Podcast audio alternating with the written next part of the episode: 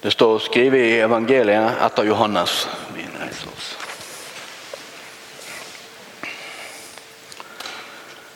Dersom jeg vitner om meg sjøl, er vitneutsegna mi ikke gyldig.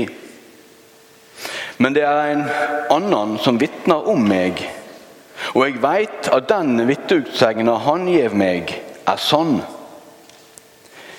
De sender båd til Johannes, og han har vitna for sanninga.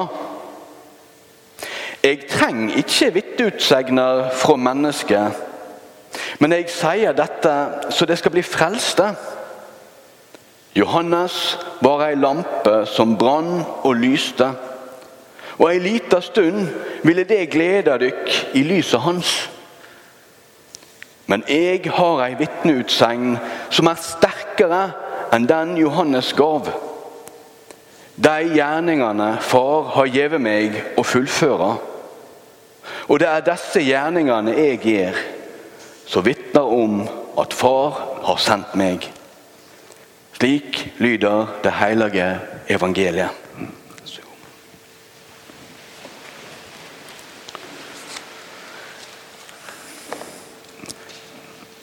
For ikke lenge siden så sto jeg opp for meg å være ganske tidlig. Det var sånn i seks-halv syv-tiden. Det var helt mørkt ute. Men ute gjennom vinduet bor jeg på Ikornes, så jeg så mot øst. Da så jeg et, et lys. Et lys i mørket. Det var sterkere enn det jeg vanligvis tenker om en stjerne. Det var morgenstjernen, Venus, som lyste. Og det har jeg ikke tenkt på så mye siden jeg begynte å lese om dagens tekster. For der står det om morgenstjernen. At den, det skal skinne inni oss. Og i dag morges så så jeg han igjen. På den klare himmelen. Morgenstjernen. Og hva minner den oss om?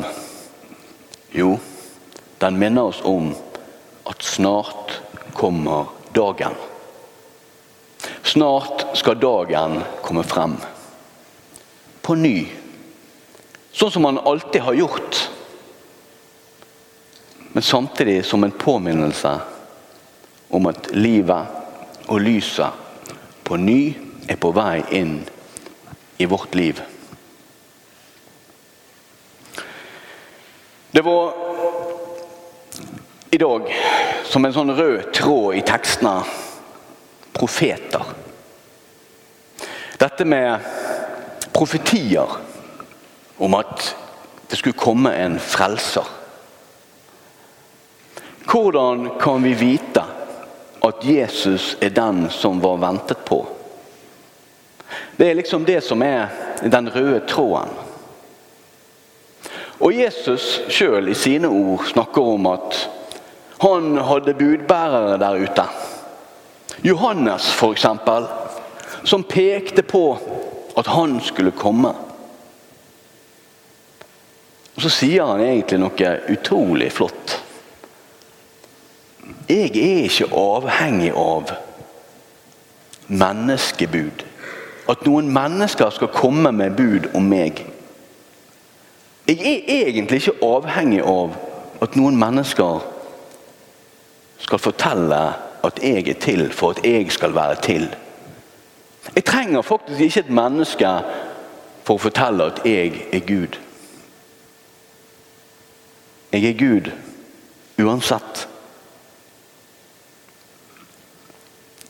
En måte så er et ansvar lagt av mine skuldre, og dine kanskje.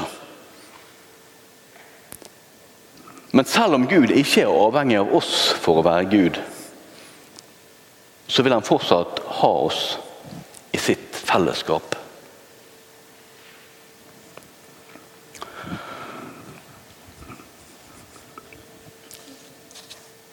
Vi leste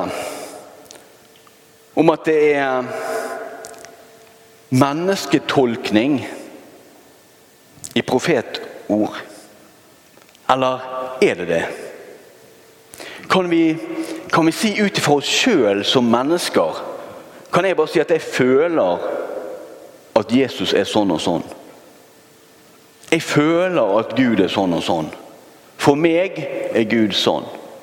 Og jeg tror mange av oss vi har en personlig gjort tro som funker for oss sjøl. Men Jesus han sier at hans tro er ikke for hver enkelt. Den er for alle. Gud er for alle. Gud er Gud om alle mann var døde. Om alle land lå øde.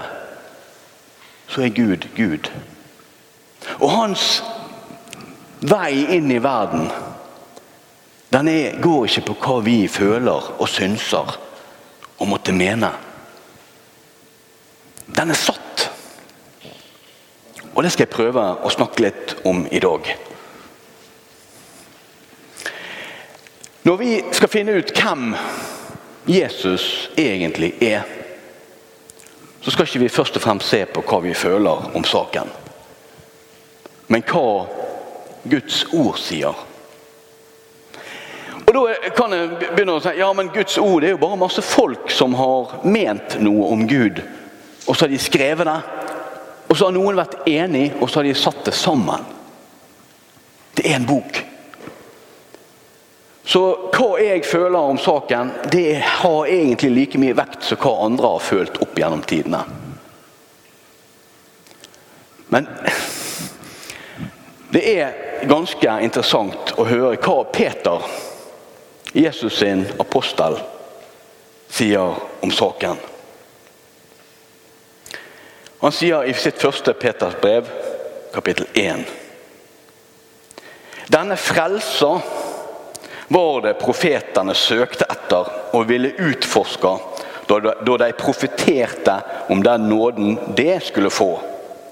De freiste å finne ut hva tid Kristi ande, som var i dem, viste fram til, og hvordan denne tida skulle være. For anden vitner om Kristi lidinger og den herligdommen som siden skulle komme. Ok, Profeter søkte på å finne ut men de var drevet av noe. De var drevet av Den hellige ånd. Og det er clouet i hvordan Bibelen ble til. I hvordan Guds historie i verden er blitt utformet skriftlig. Det er mennesker som ikke bare mm, ja, I dag så De har latt seg inspirere av Den hellige ånd. Og de har til og med gjort det uten å ha egentlig peiling på hva det er de har skrevet ned. Man har skrevet ned ord som de der og da ikke skjønte bæret av. Kanskje tolket inn i sin egen tids strider og kriger og hvem som var konge. Så ser vi hundrevis av år seinere noe nytt skje. Og Disse gamle ordene blir tolket på nytt i lys av Jesus. Og hvem er det som hjelper oss å se dette? Det er Den hellige ånd. Vi kan ikke med egen forståelse eller vitenskap sette disse tingene sammen. Det er Gud sjøl med sin ånd som leder oss i retning mot det. Paulus han sier det på en litt annen måte. I 2. Timotius brev så sier han hver bok i Skrifta innanda av Gud. Hver bok i Skrifta er innanda av Gud. På en måte så tenker jeg at Nå er ikke dette Bibelen, men noen tenker at Bibelen den, den bare dalte ned sånn. Vanlige mennesker på mange måter, som deg og meg, har sittet og skrevet. Men de er blitt inspirert og innånda. Det er som om at Gud har pustet liv i ordene deres. Og Gjennom å lese dette så får ikke vi bare hint, men vi kan òg se klart hvem er Jesus. Og da må vi kanskje først og fremst si hvem er ikke Jesus? Vi nevnte i første Peters brev om, eh, om at eh, det er en eh, at det er, det er ei lampe som skin på en mørk stad til dagen gryr og morgenstjerna stiger opp i hjertet deres. Morgenstjerna. Og da er ikke det Venus vi snakker om. Men hvem, hvem er denne morgenstjernen? Og igjen, Det er presten som spør, så svarer Jesus. Det skal jeg si med en gang. Men hvis vi ser i Jesaja-boka, så det er en annen morgenstjerne. Det er en spottevise om kongen i Babel. Der står det Du har fallet fra himmelen, du morgenstjerne. Sønn til morgenråden. Du er slengd til jorda, du som, har, som sigrer over folkeslag. Konger ble ofte satt i sammenheng med stjerner. Og jo større og mer mektige de var, jo større stjerne. Kongen av Babel, morgenstjernen. Men hvordan gikk det med han? Det gikk ikke særlig bra. Han var ikke den kongen for alle mennesker. Han var ikke en fredskonge. Han var ikke en gudsendt sønn. Han var bare en mann. Så det er ikke denne stjernen, det er ikke denne morgenstjernen Jesus er. Men så får vi høre fra fjerde Mosebok. Og Der står det noe annet. Der er det en gammel mann som ser noen syner. Og så sier han Jeg ser han, men ikke nå. Jeg skåder han, men ikke nær. Ei stjerne stiger opp, og Jakob. En kongestav løfter seg fra Israel. Igjen en mann profeterer, men han vet ikke helt om hva. Men en stjerne skal stige opp.